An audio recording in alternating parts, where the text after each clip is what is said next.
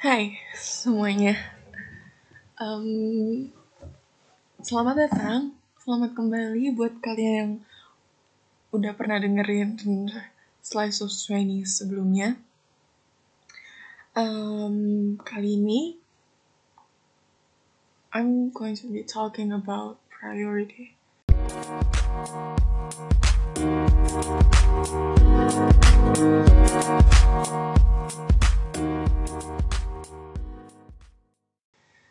Um, sebelum kita memulai, sebelum kalian mendengarkan aku ngomong asal-asalan dan entah apa endingnya tuh nggak ada, cuman kayak muter-muter aja. Aku cuman mau bilang bahwa hence the name Slice of Chinese. Jadi uh, tentu aja ini adalah otak aku sekarang ini bukan otak aku kemarin, ini bukan otak aku versi anak SMP SMA, dan aku, to be honest, aku belum kerja. Bukan otak, ini bukan otak seorang yang sudah bekerja, bukan otak seseorang yang sudah menikah, jadi this is purely apa yang ada di otak aku sekarang. Jadi, mungkin kalian setuju, mungkin kalian gak setuju, tapi bisa jadi karena kita emang dua manusia yang berbeda. Oke, mengklarifikasikan itu semua. Jadi aku mau ngomongin soal prioritas. Susah ya, kayaknya kalau dulu, uh, ini pengalaman pribadi aku, mungkin bisa berbeda sama kalian. Kesalahan aku dari dulu adalah menyerahkan prioritas itu kepada orang tua sejak kecil. Jadi uh, aku itu selalu diingat diingatkan atas prioritas aku tanpa aku menyadari prioritas aku apa. Contohnya ketika aku SD, prioritas tentu saja adalah masuk ke dalam SMP, lulus lulus UN, masuk SMP. Tapi tentu aja di balik itu, di balik itu semua, ada guru yang ngingetin, kalian tuh bakalan mau masuk SMP, ayo, nah, nah, nah, nah, nah. Bakal ada orang tua yang akan selalu ngingetin kalian untuk belajar. Bahkan kalau yang misalnya orang tuanya punya waktu, kalian bahkan belajar sampai ditanya-tanyain sama orang tua kalian. Aku ada masanya waktu sampai itu sebelum orang tua aku mulai agak-agak sibuk. Aku sampai belajar itu ya dites sama orang tua aku, ditanya gini-gini lain. Sampai ketika aku dulu menyadari itu adalah suatu hal yang nyaman karena tanpa aku perlu berpikir, aku udah diingetin nih. Dan itu berlanjut sampai SMP. Tentunya SMP prioritas aku belajar, masuk SMA, masih punya guru, masih punya orang tua, walaupun ketika SMP memang belajarnya udah nggak dites lagi sama orang tua, tapi tetap aja uh, pikirannya masih pendek gitu soal prioritas. Prioritasnya masih belajar. Terus kadang-kadang karena waktu SMP itu uh, mengenal yang namanya jalan-jalan bareng temen, jalan bareng temen. Walaupun masih SMP aku masih diantar jemput tapi main ke rumah temen. Prioritasnya itu begitu doang. Terus kita masuk SMA. SMA itu udah mulai agak-agak prioritasnya udah gini pilih mau kerja karena ada beberapa SMA karena ada beberapa pekerjaan kan atau mungkin permasalahan ekonomi yang kita sama sekali nggak tahu tentang orang lain di mana mereka prioritasnya harus bekerja ada yang prioritasnya harus masuk kuliah ada yang pengen fast track yang pengen cepat kerja dan masuk ke dinasan or ada yang mau nikah. Nggak salah maksudnya bukan nggak salah. Prioritas orang beda-beda tapi kalau aku pribadi ketika SMA prioritas aku adalah masuk kuliah. Dan aku sayangnya dulu merasa kuliah itu adalah titik ending. Memang betul titik ending dari masa sekolah. Tapi titik ending dari masa sekolah itu aku terlalu mengambil itu secara literally kayak aku merasa wah kuliah oke okay, clear semuanya no belajar uh, belajarnya cuman ya ya gitu-gitu aja.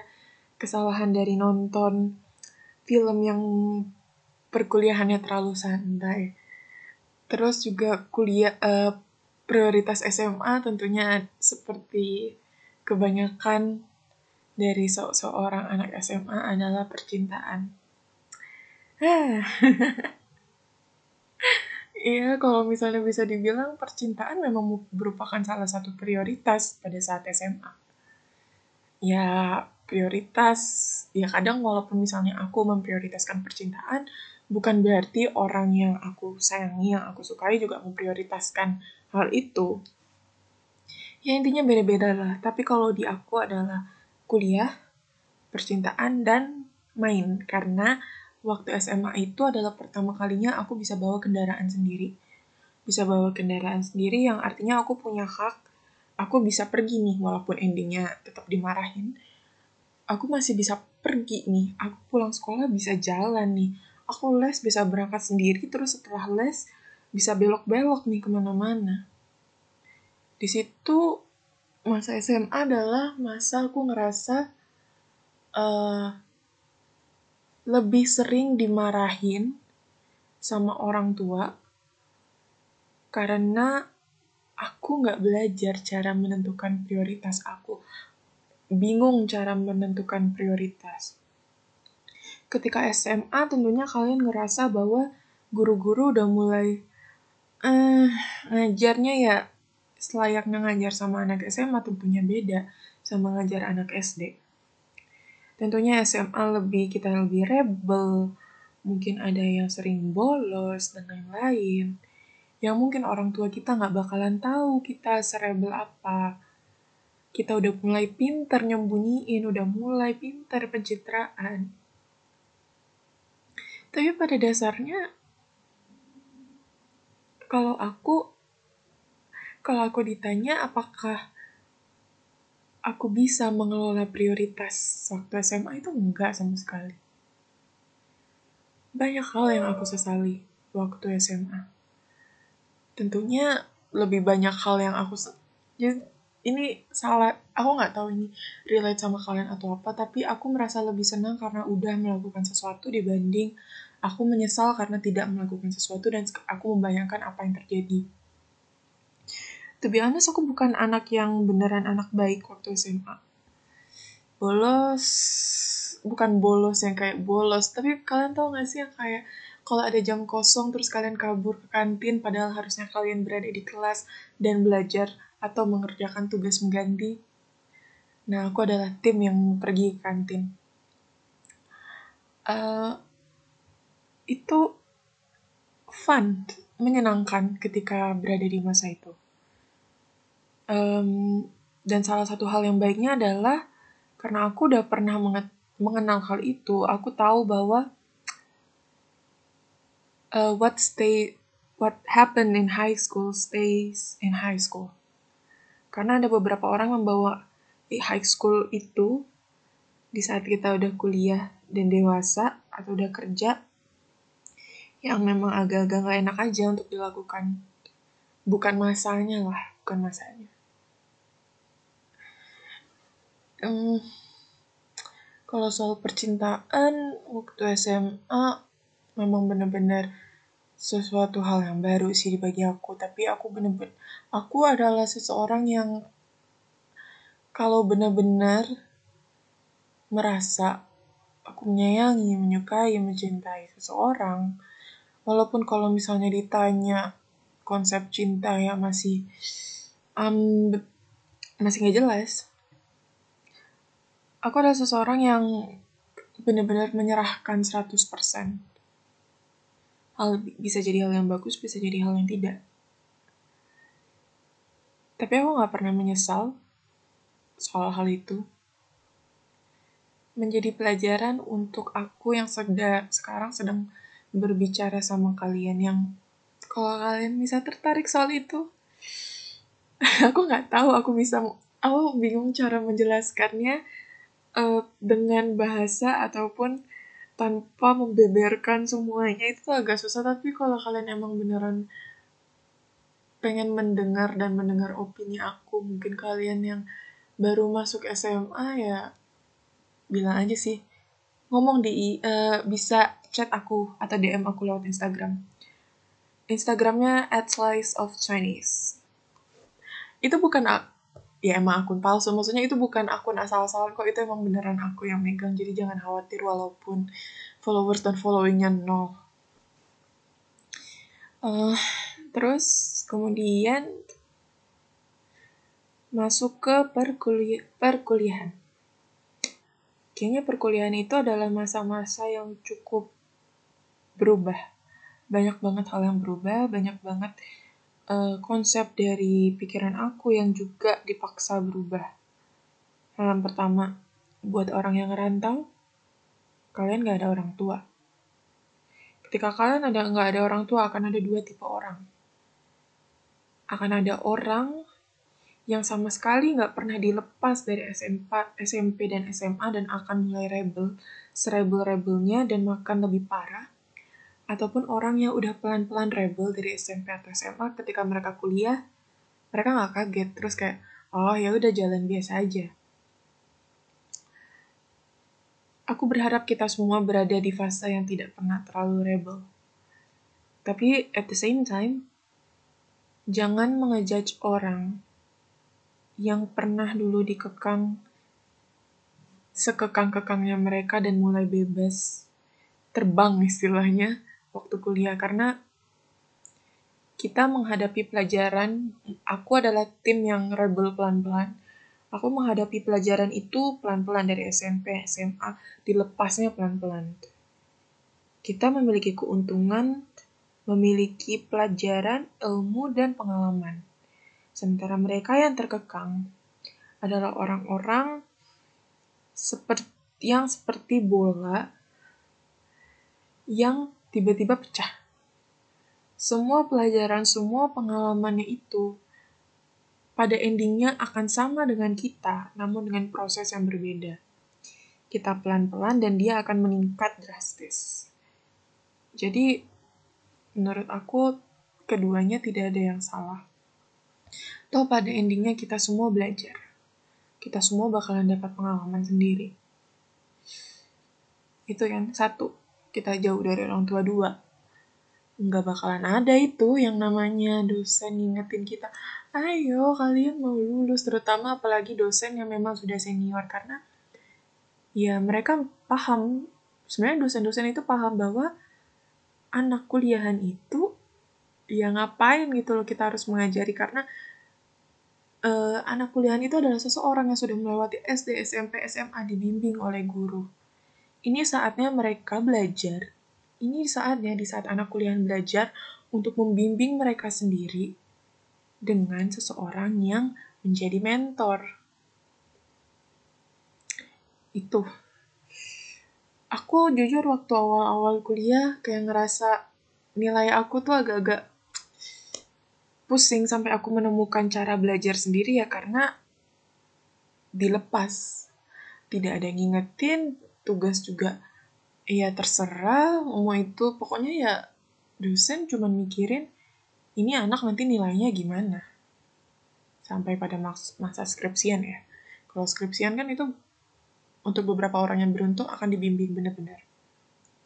Aku bilang untuk beberapa beberapa orang yang beruntung karena ada ceritanya lain lah. Tapi yang lucu adalah kuliah itu prioritasnya mulai semakin melebar. Masalahnya ketika prioritas kita semakin melebar, itulah di mana kita nggak punya guru, nggak punya orang tua yang akan memperlakukan kita sebagaimana mereka memperlakukan kita saat masa sekolah, dengan alasan kita sudah dewasa. Kita bisa nentuin yang mana yang baik dan benar.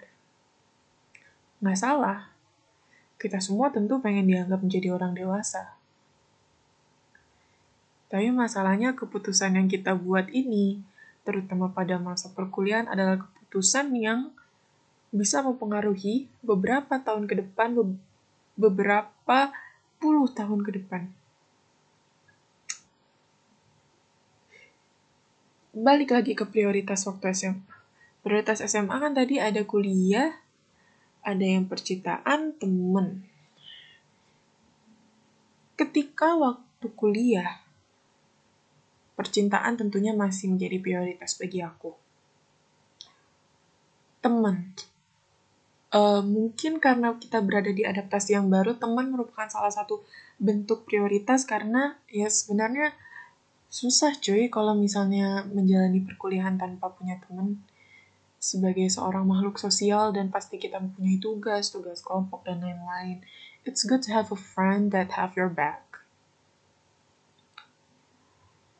Terus masalah ketika kita masih semester 1, 2, 3, mungkin kita yang pikir, oh ospek, oh tugas ini selesai, selesai, selesai. Sampai kita masuk ke titik di semester 4, 5, 6, di situ mulai kita nyadar. Separuh dari perkuliahan kita itu kita salah memprioritaskan sesuatu. Banyak banget yang harus diprioritaskan waktu kuliah kalian mulai sadar bahwa orang tua kalian udah gak semudah yang kalian kira. Dan punya adik, adik kalian udah melalui masa yang kalian udah pernah lalui sebelumnya. Adik kalian mungkin udah mulai berhubungan dengan maksudnya berhubungan mulai pacaran, mulai ada yang rebel, kalian menyadari, dan di situ kalian menyadari terutama buat anak yang sulung adalah orang tua kalian tidak akan pernah sama memperlakukan antara kalian dengan adik-adik kalian. Terutama buat yang age gapnya jauh antara kalian dengan adik kalian. Karena ketika adik kalian menjalani masa yang kalian pernah lalui, umur orang tua kalian itu beda Ketika umur orang tua kalian beda, aktivitas yang orang tua kalian lakukan tidak akan bisa seintens. Perhatian yang di, diberikan tidak akan bisa seintens waktu kalian. Karena udah capek orang tua, karena udah tua. Dan ketika kalian menyadari itu, kalian baru mikir. Selama ini orang tua aku prioritasin ke mana? Dan itu yang aku bener-bener hal yang kayak aku baru benar-benar sadari bahwa selain tentunya agama, seharusnya aku memprioritaskan orang tua. Karena mereka, seperti semua yang ada di dunia ini, nggak selamanya mereka bakalan berada di sini. Kalian udah menghabiskan masa SD, SMP, SMA kalian memprioritaskan hal-hal yang membuat kalian senang dengan mereka membimbing kalian. Sampai waktu kalian kuliah, kalian kerja, kalian mikir.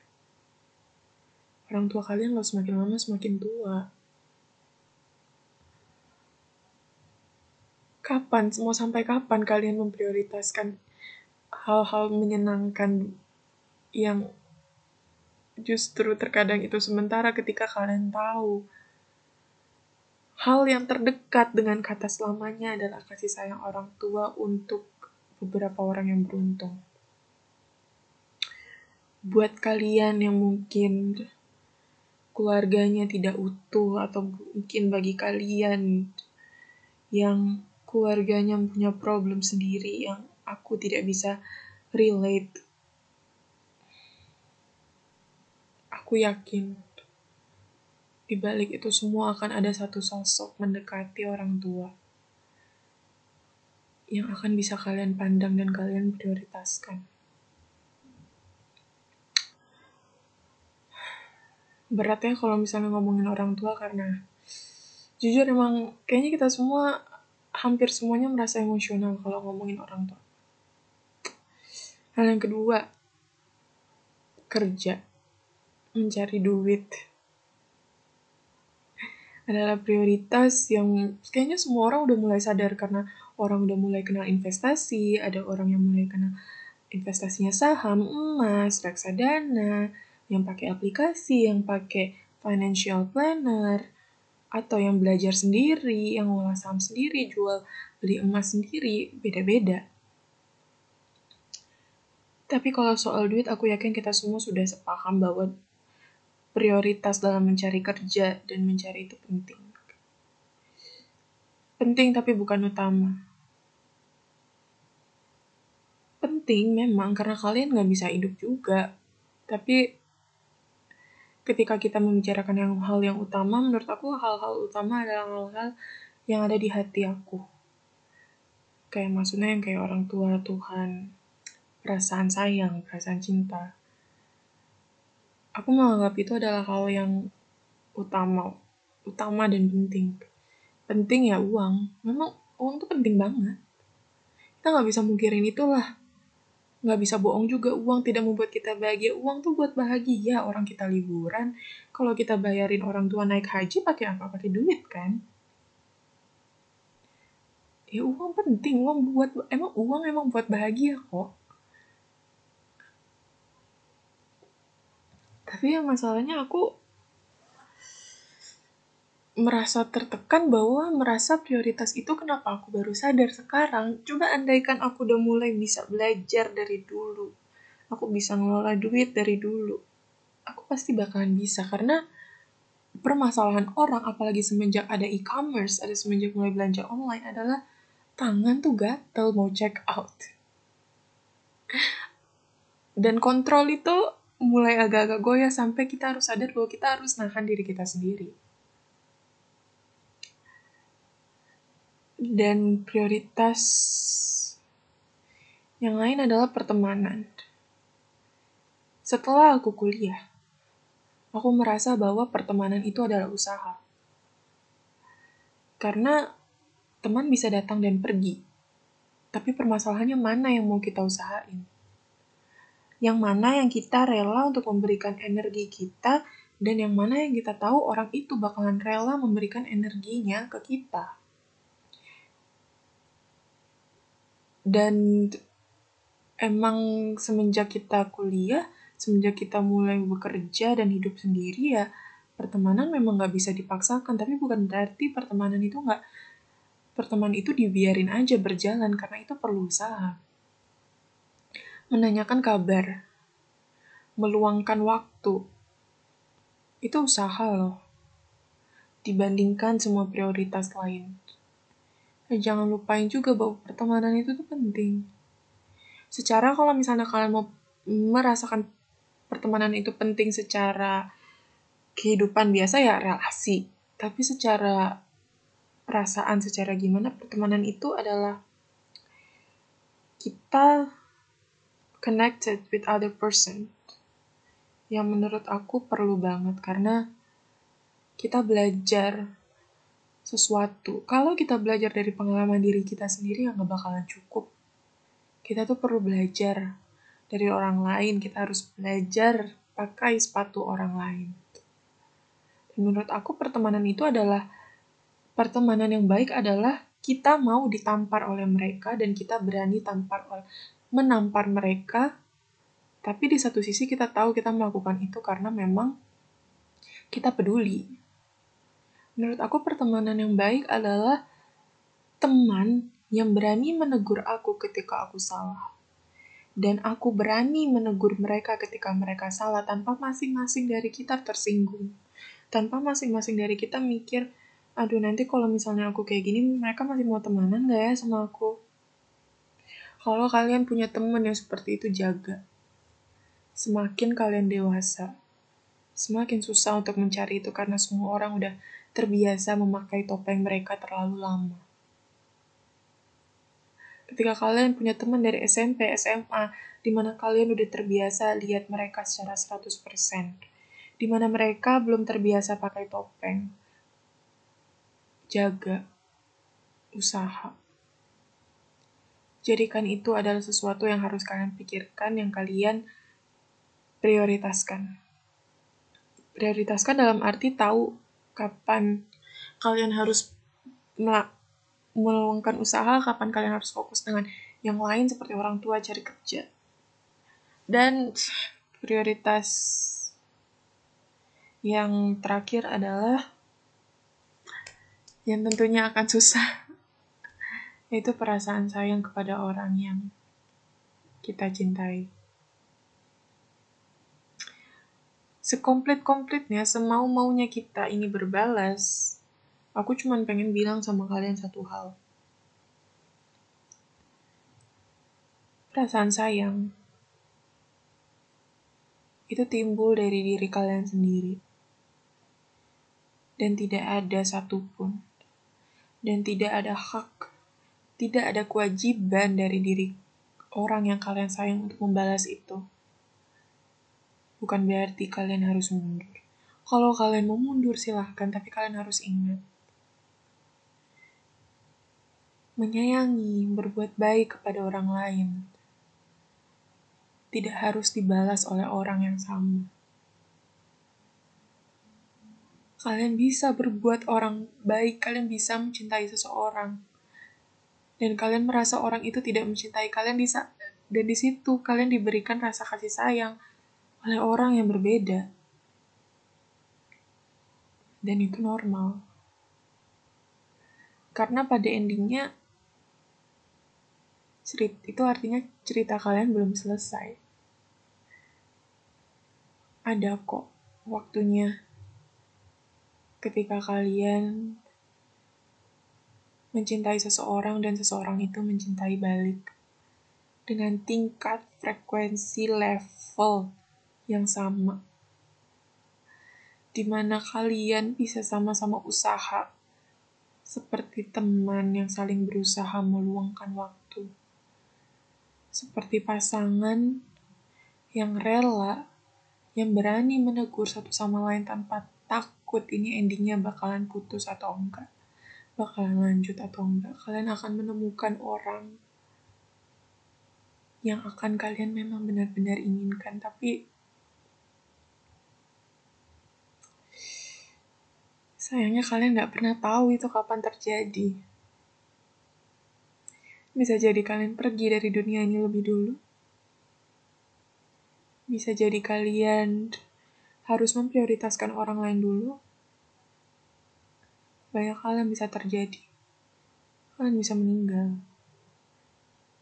Jadi, menurut aku ketika kalian menyayangi orang, sayangi aja. Nggak usah mikir bakalan dibalik atau enggak, karena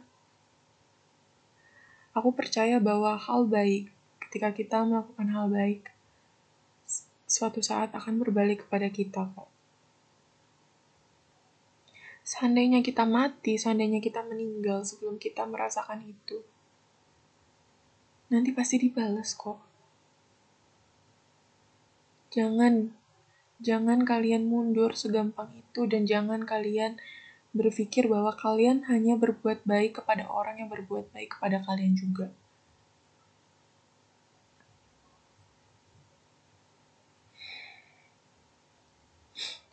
Ada beberapa pengecualian dalam kalimat itu.